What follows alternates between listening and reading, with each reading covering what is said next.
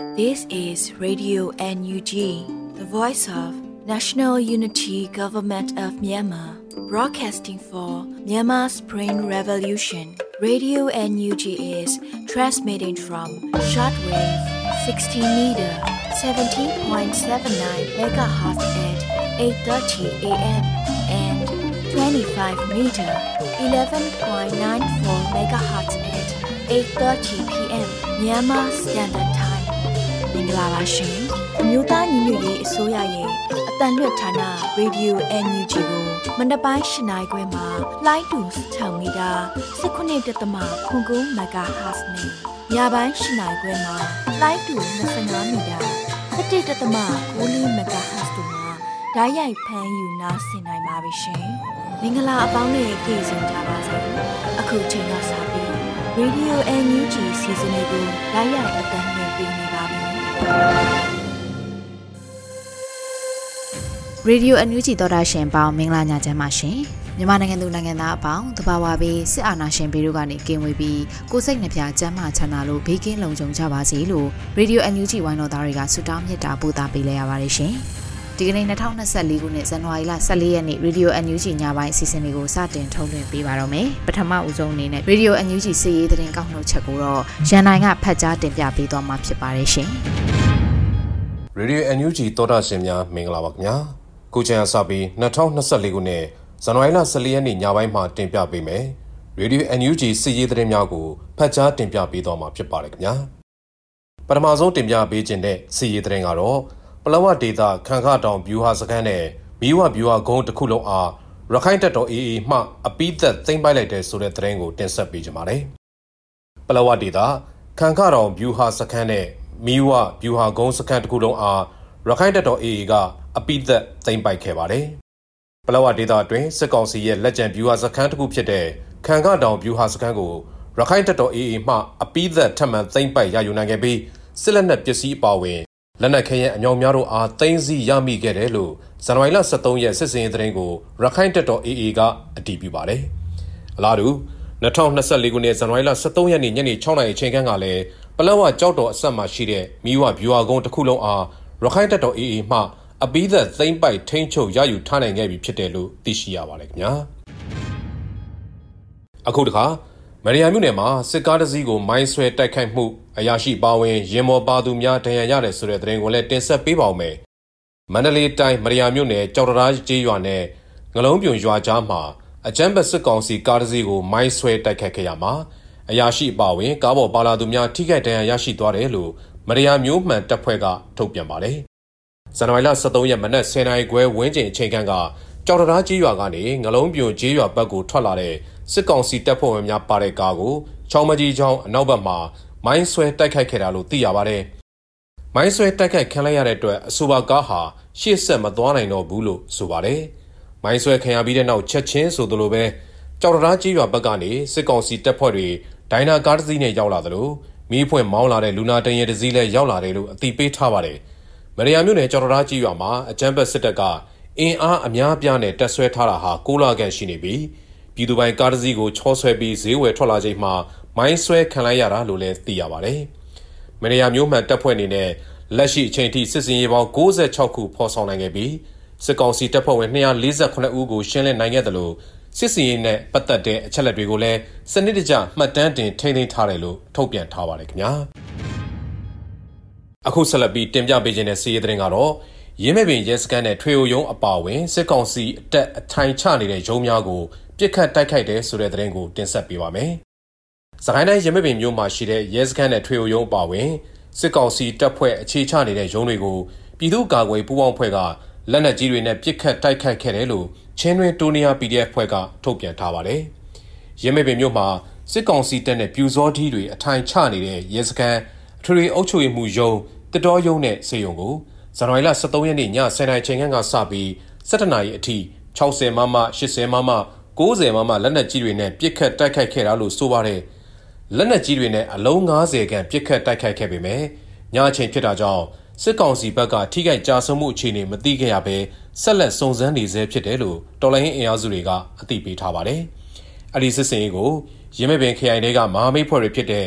ချင်းတွင်တိုနီယာ PDF ရင်းမပင်ခရိုင်တရင်29တက်ခွဲ2ရင်းမပင်ခရိုင်တရင်26တက်ခွဲ2ဒေါင်းညိုမိုးညိုမမမင်းလဝအဖွဲ့တို့ကပူးပေါင်းတိုက်ခိုက်ခဲ့တာဖြစ်ပါတယ်ခင်ဗျာ အခုတခါတထုံမြို့နယ်မှာစစ်ကောင်စီတပ်မှလက်နက်ကြီးပစ်ခတ်မှုကြောင့်ကြေးရွာများကဒေသခံ300ကျော်တင်းရှောင်နေရတယ်ဆိုတဲ့သတင်းကိုတင်ဆက်ပေးပါမယ်2024ခုနှစ်ဇန်နဝါရီလ10ရက်နေ့မနက်6နာရီမှည9နာရီထိအာနာသိန်းစစ်ကောင်စီတပ်အမှတ်402အမြောက်တပ်ရင်းမှ KNU ဒုသထုခရိုင်တထုံမြို့နယ်စူးရင်းကြီးရွာတွေကိုလက်နက်ကြီး9လုံးပစ်ခတ်ခဲ့ရမှာစူးရင်းရွာတွင်လက်နက်ကြီး2လုံးကြားရောက်ပောက်ကွဲပြီးရွာနေအသက်35နှစ်ရှိစောဖိုးလေးနဲ့ အသက်35နှစ်ရှိစောရစာအိမ်တို့အားလက်နက်ကြီးကြီးစထိမှန်ပျက်စီးခဲ့တယ်လို့ဇန်နဝါရီလ14ရက်မှာ KNU ဗဟိုကစကားစတက်ရဲ့လုပ်ရများကိုဖော်ပြလိုက်ပါတယ်။အဲဒီနေ့ညနေ9:00နာရီမှာပဲစစ်ကောင်စီတပ်အင်းရှေအမတ402တပ်ရင်းတပ်စခန်းမှလက်နက်ကြီး၄လုံးပစ်ခတ်ခဲ့ရမှာ KNU တထုံမြို့နယ်ကော်လှိုင်းရွာလေးကုန်းတဲကိုလက်နက်ကြီးနှလုံးကြားရောက်ပောက်ကွဲကရွာနေအသက်40ခန့်ရှိစောရွှေလာဝင်းနဲ့အသက်45နှစ်ရှိစောမောင်ကျန်ရင်အိမ်တို့ကို လက်နက်ကြီးကြီးစထိမှန်ပျက်စီးခဲ့ရပါတယ်။အဲဒီစစ်ကောင်စီတပ်စခန်းများက KNU တထုံမြို့နယ်အုပ်ချုပ်မှုနယ်မြေရှိအယက်သားလူလူနေရာများတဲ့ကိုရည်ရွယ်ချက်ရှိရှိလက်နက်ကြီးမကြာခဏပစ်ခတ်မှုတွေကြောင့်ယခုမှကျုံမိန်နဲ့ကော်လှိုင်းရွာလေးကုန်းကြီးရွာများရှိအင်ဂျီ82အိမ်မှလူဦးရေစုစုပေါင်း382ဦးဟာထွက်ပြေးတင်းရှောင်နေရတယ်လို့ဆိုပါတယ်။ဒါပြင်ဇန်နဝါရီလ10ရက်နေ့ညနေ8:25မိနစ်အချိန်ခန့်မှာ စစ်ကောင်စီအမတာ206တရင်တပ်စခန်းမှလက်နက်ကြီး9လုံးပစ်ခတ်ခဲ့ပြီးဇန်နဝါရီလ9ရက်နေ့မနက်6:00နာရီမှမနက်9:00နာရီထိစစ်ကောင်စီအမတာ402တရင်နဲ့အမတာ404တရင်တပ်စခန်းတို့ကလက်နက်ကြီး12လုံးပစ်ခတ်ခဲ့တယ်လို့သိရပါတယ်ခင်ဗျာအခုဆက်လက်ပြီးအင်းတော်စစ်စေးဂိတ်မှာပြည်သူအမျိုးသား2ဦးအားစစ်ကောင်စီတပ်များကမျက်နှာများကိုအိတ်ဆွတ်ကာဖမ်းဆီးထားပြီးစစ်ကြောရေးမှာစစ်ဆေးနေတယ်ဆိုတဲ့သတင်းကိုလည်းတင်ဆက်ပေးပါောင်းမယ်။ ဇန်နဝါရီလ23ရက်မနက်ပိုင်းမှာအင်းတော်စစ်စေးဂိတ်မှာပြည်သူအမျိုးသား2ဦးအားစစ်ကောင်စီတပ်များက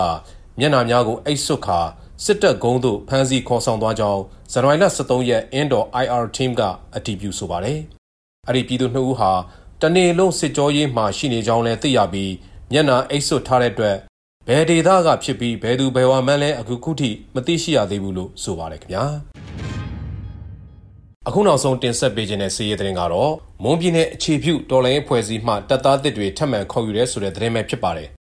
မွန်ပြည်နယ်အခြေပြုတော်လိုင်းအဖွဲ့အစည်းမှတပ်သားအသစ်တွေထပ်မံခေါ်ယူနေပြီဖြစ်ပါတယ်တပ်သားသစ်များကိုအမျိုးသားတည်တံ့သာခေါ်ယူမှာဖြစ်ပါတယ်လို့ဇန်နဝါရီလအတွင်းမွန်ပြည်နယ်အခြေပြုတော်လိုင်းအဖွဲ့ MSRO ကဆိုပါတယ်တပ်သားသစ်များဟာအသက်16နှစ်ပြည့်ပြီးသူဖြစ်ရမှာဖြစ်ပြီးအာဏာရှင်စနစ်နဲ့မဟာလူမျိုးကြီးဝါဒကိုဆန့်ကျင်သူမွန်ပြည်နယ်အခြေပြုတော်လှန်ရေးအဖွဲ့အစည်းရဲ့ ပေးအပ်တဲ့တာဝန်များကိုကြေပြောစွာထမ်းဆောင်နိုင်သူဖြစ်ရမယ်လို့ဆိုပါတယ်။ဒါပြင်ကျမ်းမာရေးကောင်းမွန်သူဖြစ်ရမှာဖြစ်ပြီးတော်လှန်ရေးရည်မှန်းချက်ပြီးမြောက်တဲ့အထိဒါမှမဟုတ်အ ਨੇ ဆုံး၃နှစ်တာဝန်ထမ်းဆောင်ရမယ်လို့ဆိုပါတယ်ခင်ဗျာ။အခုတင်ပြခဲ့တဲ့စစ်ရေးသတင်းတွေကိုတော့ Radio NUG သတင်းတောက်မင်းတီဟန်နဲ့ကိုခန့်တို့ကပေးပို့ထားတာပဲဖြစ်ပါတယ်။ကျွန်တော်ကတော့ရန်နိုင်ပါ။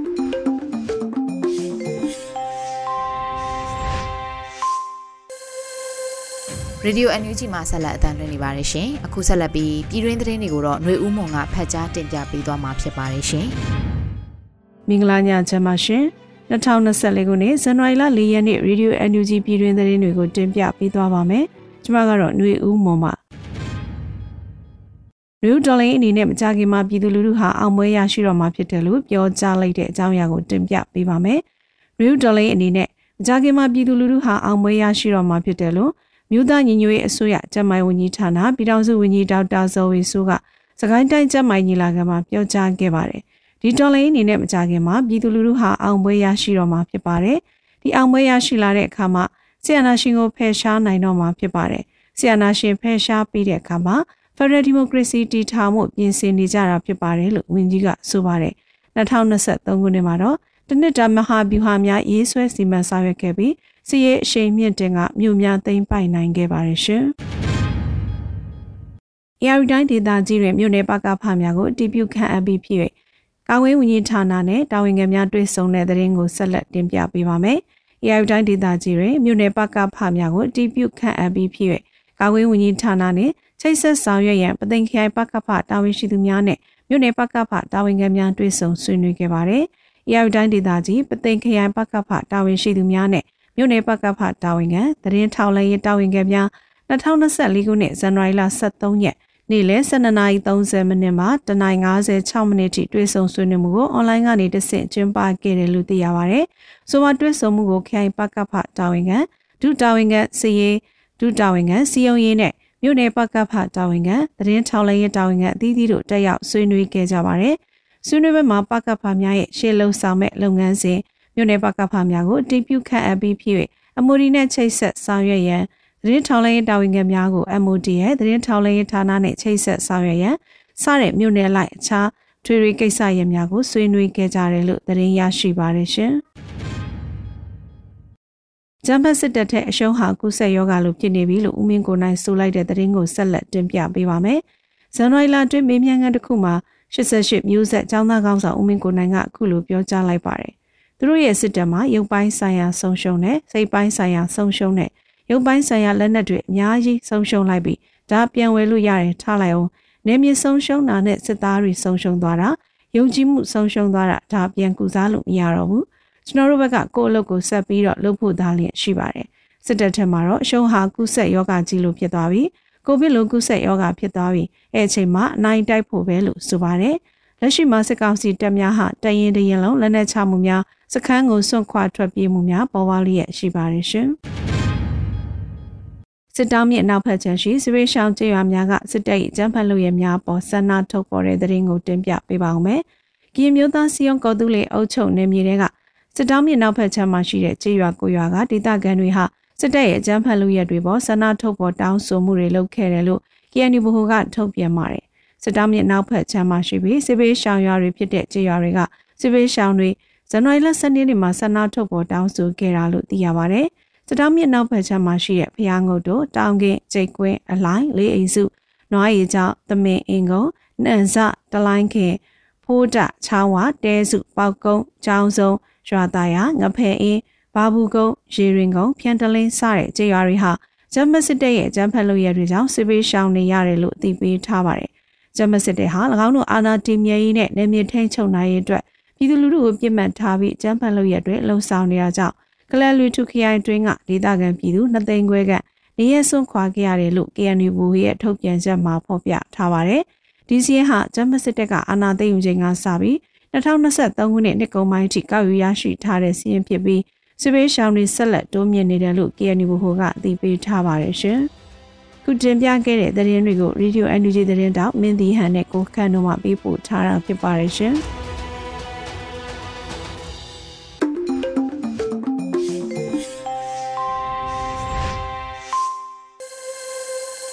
ပြည်ရင်းသတင်းတွေကိုနားဆင်ကြကြရတာဖြစ်ပါတယ်။သောတာရှင်များရှင်အခုဆက်လက်ပြီးတော်လန်ရေးကဗျာကဏ္ဍမှာတော့နေချိုသွေးရေးဖွဲ့ထားပြီးຫນွေဥမှုခန်းစားရွတ်ဖတ်ထားတဲ့ရောင်နီလာရလန်ခရီးကျန်းသွေးသစ္စာလို့အမည်ရတဲ့ကဗျာကိုနားဆင်ကြရမှာပဲဖြစ်ပါတယ်ရှင်။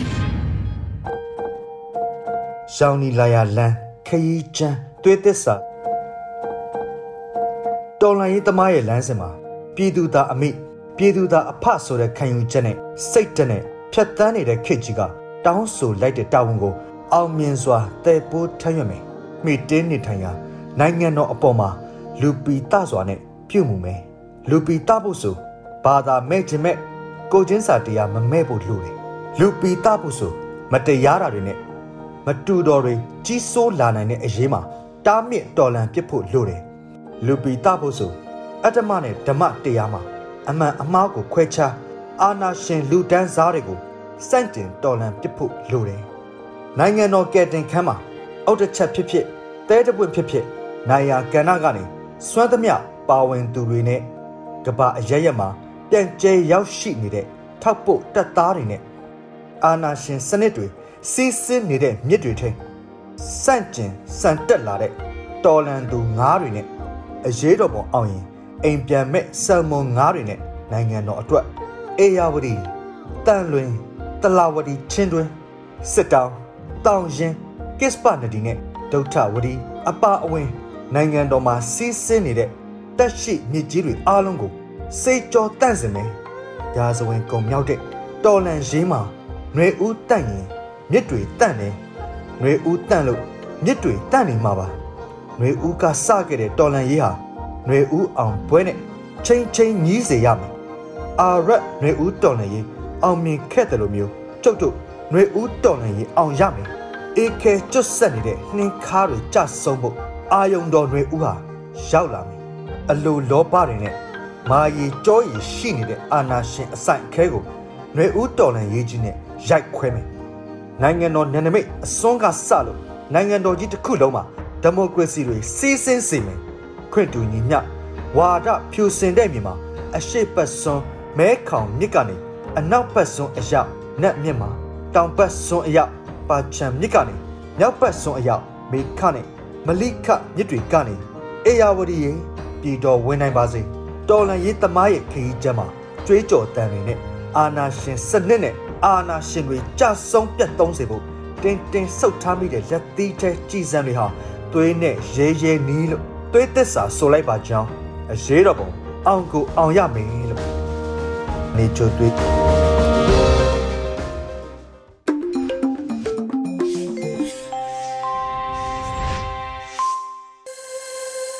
ရေဒီယို NUG သောတာရှင်များရှင်အခုဆက်လက်ပြီးရေဒီယို NUG အင်တာဗျူးကဏ္ဍမှာတော့ကိုခန့်နဲ့မင်းစစ်သွေးတို့စီစဉ်တင်ဆက်ထားတဲ့ PDF အဖွဲ့တွေပေါ်စစ်ကောင်စီရဲ့ပြောကြားချက်နဲ့ဆက်လင်းပြီးအမျိုးသားညီညွတ်ရေးအစိုးရတမရယုံပြောရေးဆိုခွင့်ရှိသူဦးကျော်စောနဲ့ဆက်သွယ်မြင်းမြတ်ချက်ကကောက်နှုတ်ချက်ကိုထုတ်လွှင့်ပေးသွားမှာဖြစ်ပါတယ်ရှင် ပြည်သူ့ကာကွယ်ရေးတပ်မတော် PDF အဖွဲ့တွေမြေပြင်တိုက်ပွဲဖော်ဆောင်ရမှာပို့ပြီးတော့လက်တွဲညီလာတာနဲ့အမျှစစ်ကောင်စီကပြည်အောင်စုပြိုကွဲမှာစိုးရိမ်တယ်ဆိုတဲ့စကားလုံးနဲ့ဖာထေးပြောဆိုလာတာတွေရှိနေတဲ့အတွက်အမျိုးသားညီညွတ်ရေးအစိုးရတမနာယုံပြောရေးဆိုခွင့်ရှိသူဦးကျော်စောနဲ့ဆက်သွယ်မြင်းမြန်းထားတာကိုကောက်နှုတ်ဖော်ပြလိုက်ရပါတယ်ခင်ဗျာမင်္ဂလာပါဆရာဟုတ်ကဲ့မင်္ဂလာပါခင်ဗျာ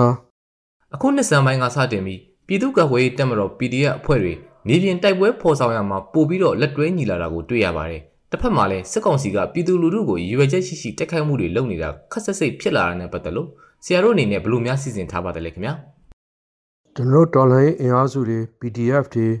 တော်လိုင်းအင်အားစုတွေဟာ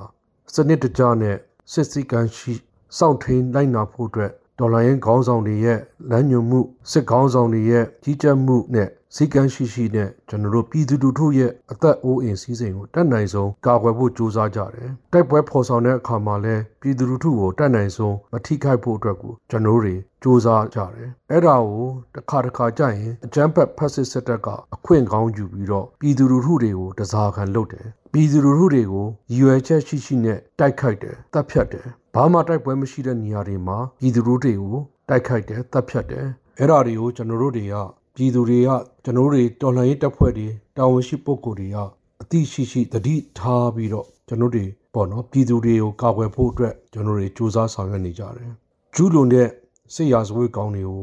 အရေးယူနိုင်ဖို့စူးစမ်းနေကြတယ်။ဒီလိုမျိုးပြည်သူတွေပေါ်မှာအကြမ်းဖက်မှုရပ်ဖို့ဆိုတာကတော့အကြမ်းဖက်ဖက်စစ်စစ်တပ်မြမမြေပေါ်မှာစစ်အာဏာရှင်စနစ် အမြင့်ဖြုတ်ပြီးတဲ့အချိန်မှာမှဖြစ်နိုင်မဲ့အတွက်ကြောင့်ကျွန်တော်တို့အားလုံးကပြည်သူတွေပေါ်မှာအကြမ်းဖက်တာတွေအများဆုံးရပ်ဖို့အတွက်အကြမ်းဖက်စစ်တပ်ဖက်စစ်စစ်တပ်စစ်အာဏာရှင်စနစ်ကိုအမြင့်ဖြုတ်ဖို့အတွက်ကျွန်တော်တို့တွေထက်ဆင့်တပိုးစူးစမ်းပြီးတော့ကျွန်တော်တို့ရဲ့ရည်မှန်းချက်ဥတီချက်အများဆုံးရောက်အောင်ဖို့အတွက်ညီညီညွတ်ညွတ်နဲ့ဇက်လိုက်စူးစမ်းကြမယ်ဆိုတော့ပြောကြားချင်ပါတယ်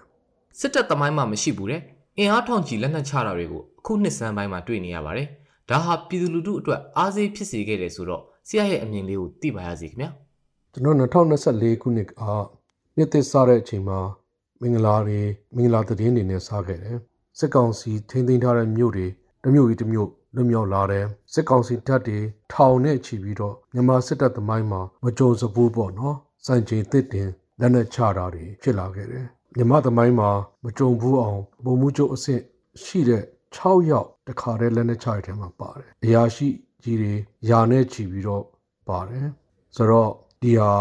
အင်မတန်ကောင်းတဲ့နမိတ်ကောင်းတစ်ခုမြန်မာပြည်သူလူထုအတွက်ဖြစ်ပါတယ်မြန်မာပြည်သူလူထုတွေလွတ်မြောက်ဖို့အတွက်ဒေါ်လာရင်းတပ်ဖွဲ့တွေကတတ္တိရှိရှိနဲ့အသက်ဖေးစူးစမ်းပြီးတိုက်ခိုက်တဲ့အခါမှာညီညီညွတ်ညွတ်နဲ့ပြည်သူလူထုတွေကအားပေးကူညီပံ့ပိုးပေးကြတဲ့အခါဟန်ချက်ညီညီတိုက်တော့စစ်ကောင်စီတပ်တွေမခံနိုင်စခန်းတွေရာပေါင်းများစွာအရှုံးပေးစွန့်လွတ်ခဲ့ပြီးတော့ သူတို့စစ်တပ်ထောင်ပေါင်းများစွာလက်နက်ချအညက်ခံသွားရတယ်ဆိုတာတွေ့နေပြီပေါ့နော်။နောက်ဗိုလ်ချုပ်တွေလည်းတယောက်ပြီးတယောက်လက်နက်ချသလိုတယောက်ပြီးတယောက်လည်းဖမ်းခံနေရတယ်။တည်တဲ့လူတွေလည်းတည်သွားကြတယ်။စိတ်မြေပြင်မှာ။ဒါပေမဲ့သူတို့ရဲ့ခေါင်းဆောင်ကြီးဗိုလ်ချုပ်မူကြီးလို့ဗိုလ်ချုပ်ကြီးလို့အစရှိတဲ့လက်တဆုပ်စာကတော့သူတို့မတရားယူထားတဲ့ စီးပွားရေးတွေဓမြတိုက်ထားတဲ့ပြည်သူလူထုစီကယူထားတဲ့ဟာတွေမတရားစီးပွားရေးလုပ်ငန်းတွေလုပ်ကိုင်ပြီးတော့ရရှိတဲ့ဟာတွေနဲ့စီးစိမ်ဥစ္စာရစ်မှုပြီးတော့သူတို့ရဲ့စီးစိမ်ဥစ္စာကိုဆက်လက်ခိုင်မြဲနိုင်ဖို့အတွက်အယက်သားပြည်သူလူထုကိုထောင်နဲ့ချီပြီးတတ်ခဲ့ပြီးပြီထပ်မံတပ်ဖြတ်ဖို့လဲတနေ့တခြားပို့လုံနေတယ်ဆိုတာတွေ့နေရတယ်စစ်တပ်ကပြည်သူလူထုကိုရည်ရွယ်ချက်ရှိရှိတိုက်ခိုက်မှုတွေလုပ်နေတာနဲ့ပတ်သက်လို့ဆရာတို့ဘက်ကဘယ်လိုများပြင်ဆင်ထားလဲဆိုတာကိုသိလို့ရမလားခင်ဗျာ ဒီအချိန်မှာကျွန်တော်တို့မြို့သားညီညွတ်ရေးအစိုးရအဖွဲ့ဟာတာဝန်ရှိဝန်ကြီးဌာနတွေကလည်းပြည်သူလူထုတွေကို စစ်ကောင်စီရဲ့အကြမ်းဖက်မှုကကာကွယ်ဖို့အတွက်အတက်နိုင်ဆုံးစစ်ရေးလုံခြုံရေးပိုင်းကမဟာမိတ်တွေနဲ့ပူးတွဲဆောင်ရွက်နေသလိုဒီကျွန်တော်ရဲ့ဝန်ကြီးဌာနတွေကလည်းပြည်သူလူထုတွေကိုဘယ်လိုကာကွယ်ပေးရမလဲစစ်ကောင်စီရဲ့အကြမ်းဖက်မှုတိုက်ခိုက်မှုကနေပြီးတော့ဘယ်လိုကာကွယ်ပေးရမလဲဆိုတော့တင်တန်းတွေပို့ချအဲ့ဒီတာဝန်ခံတွေကနေတစ်ဆင့်မြို့နယ်တွေမှာပြည်သူလူထုတွေကိုထပ်ဆင့်တင်တန်းပို့ချပြီးတော့အကာအကွယ်ယူဖို့စစ်ကောင်စီရဲ့တိုက်ခိုက်မှုကနေကာကွယ်ဖို့ကြုံလာခဲ့ရင်ဘယ်လိုရင်ဆိုင်ရမလဲဆိုတဲ့အစရှိတဲ့ဟာတွေတင်ကြား နိုင်ညွန်ပေးသလိုကာကွယ်မှုတွေလည်းတိုက်နိုင်လို့ပြုလုပ်နေတယ်။မဟာမိတ်တပ်တွေရဲ့ခြေလှမ်းကနေဦးတော်လှန်ရေးရဲ့အရှိန်ကိုပိုပြီးမြင့်လာတာစီနဲ့အမျှစစ်ကောင်စီဘက်ကမြို့တွေစခန်းတွေဆုံးရှုံးနေရတာတွေရှိပါတယ်။ဒါကိုစစ်ကောင်စီဘက်ကနေပြီးတော့ပြည်တော်စုပြိုကွဲမယ်ဆိုတဲ့စကားလုံးနဲ့ဖာထင်းနေတာကိုလည်းတွေ့ရပါတယ်။ဒါနဲ့ပတ်သက်ပြီးဆရာအနေနဲ့ဗာများပြောချင်ပါတယ်လေခင်ဗျာ။ပြည်သူတွေရဲ့စီးလုံးညီညွတ်ချက်ခွန်အားနဲ့တိုင်းသားလက်နက်ကိုင်တော်လှန်ရေးတပ်ဖွဲ့ဝင်တွေ PDF တွေစစ်မြေပြင်မှာလက်တွဲပြီးတော့ တိုက်ပွဲတွေဝင်လို့အောင်ပွဲတွေတထိုင်းတထိုင်းရနေကြတယ်ထို့အတူပဲနိုင်ငံရင်းပါလဲကဏ္ဍမှာပုံမခိုင်မာပြီးတော့တည်မြဲတဲ့ငြိမ်းချမ်းသာယာဝပြောတဲ့ပြည်တော်စုမြန်မာနိုင်ငံတော်ကြီးကိုတည်ဆောက်ဖို့အတွက်ကျွန်တော်တို့တွေလက်တွဲအတူလုပ်ကိုင်နေကြပါတယ်ကျွန်တော်တို့တော်လိုင်းအင်အားစုတွေ ပြည်သူလူထုတွေဟာပုံမခိုင်မာတဲ့အားလုံးသူဂျန်တူညီမျှအခွင့်အရေးရတဲ့တရားမျှတတဲ့ကိုကြမာကိုဖန်တီးနိုင်တဲ့ငြိမ်းချမ်းသာယာဝပြောတဲ့လွတ်လွတ်လပ်လပ်ရှိတဲ့ပြည်တော်စုကြီးတည်ဆောက်ဖို့စ조사နေတဲ့အချိန်မှာအကြမ်းဖက်ဖက်စစ်စစ်အုပ်စုဟာပြည်တော်စုပြိုကွဲဖို့အတွက်သွေးခွဲနေတယ်ဝါဒမိုင်းတွေတိုက်နေကြတယ် ဘာသာရေးလူမျိုးရေးစသမျှရသမျှအခွင့်အရေးတွေသူတို့ထင်တဲ့ဟာတွေအသုံးချပြီးတော့ပြည်တော်စုပြိုကွဲဖို့လူတွေတိုင်းသားတွေတော်လှန်ရေးအင်အားစုတွေတူးနဲ့တူးတစ်ဖွဲ့နဲ့တစ်ဖွဲ့အမြင်မတူအောင်သွေးကွဲအောင်အမျိုးမျိုးစ조사နေကြတယ်ပြည်တော်စု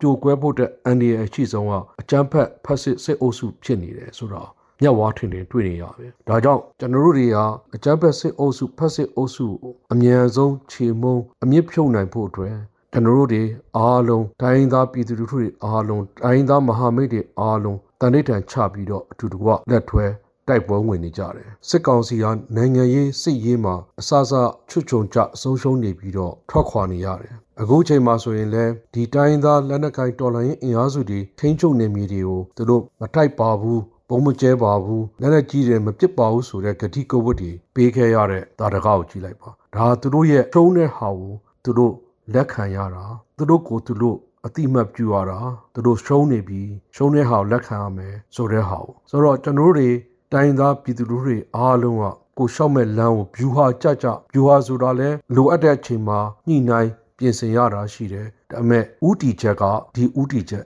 ဥတီချက်မပြောင်းဘူး view ဟာကိုလိုသလိုညှိပြီးတော့လိုသလိုပြင်ဆင်ပြီးတော့ကိုယ့်ရဲ့ဥတီချက်အများဆုံးအောင်မြင်ဖို့အတွက်ကိုအထူးတကွခိုင်ခိုင်မာမာလက်တွဲပြီးတော့တိုက်ပွဲဝင်နေကြတယ်ပြည်သူလူထုတွေကလည်းဒီထက်မကပို့ပြီးတော့စီးလုံးညီညွတ်တညီတညွတ်တဲ့ဟန်ချက်ညီညီနဲ့ကဏ္ဍပေါင်းစုံကတော်လှန်တိုက်ပွဲဝင်ကြတော်လှန်တတိအပြည့်နဲ့တိုက်ပွဲဝင်ကြဖို့တိုက်တွန်းပြောကြားခြင်းပါတယ်ကျေးဇူးတင်ပါတယ်ခင်ဗျ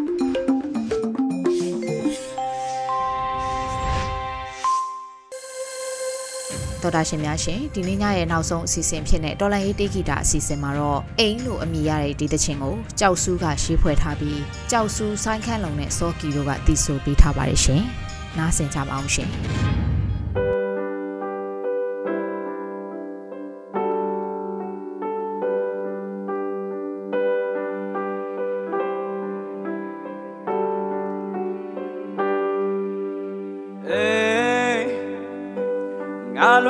တဲ့အိ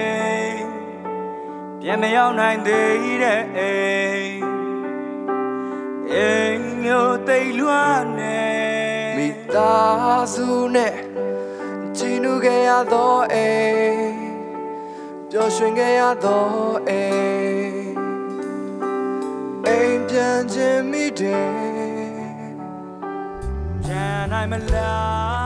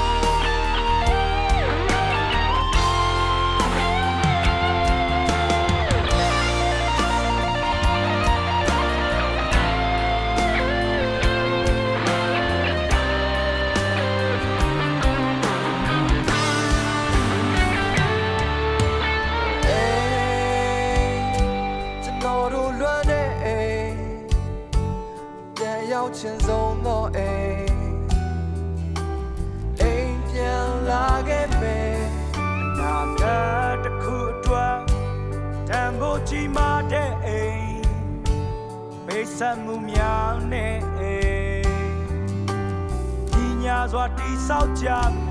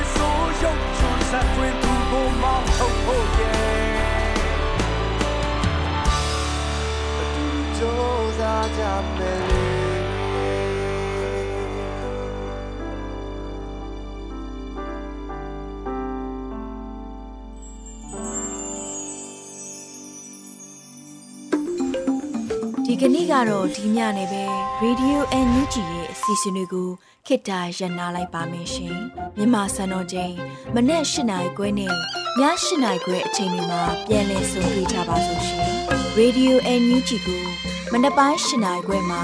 လိုင်းတူ16မီတာ19.7 MHz နဲ့ညပိုင်း၈နိုင်ခွဲမှာလိုင်းတူ25မီတာ17.6 MHz တို့မှာဓာတ်ရိုက်ဖမ်းယူနားဆင်နိုင်ပါပြီရှင်။ မြန်မာနိုင်ငံသူနိုင်ငံသားများကိုယ်စိတ်နှဖျားစမ်းမချမ်းသာလို့ဘေးကင်းလုံခြုံကြပါစေလို့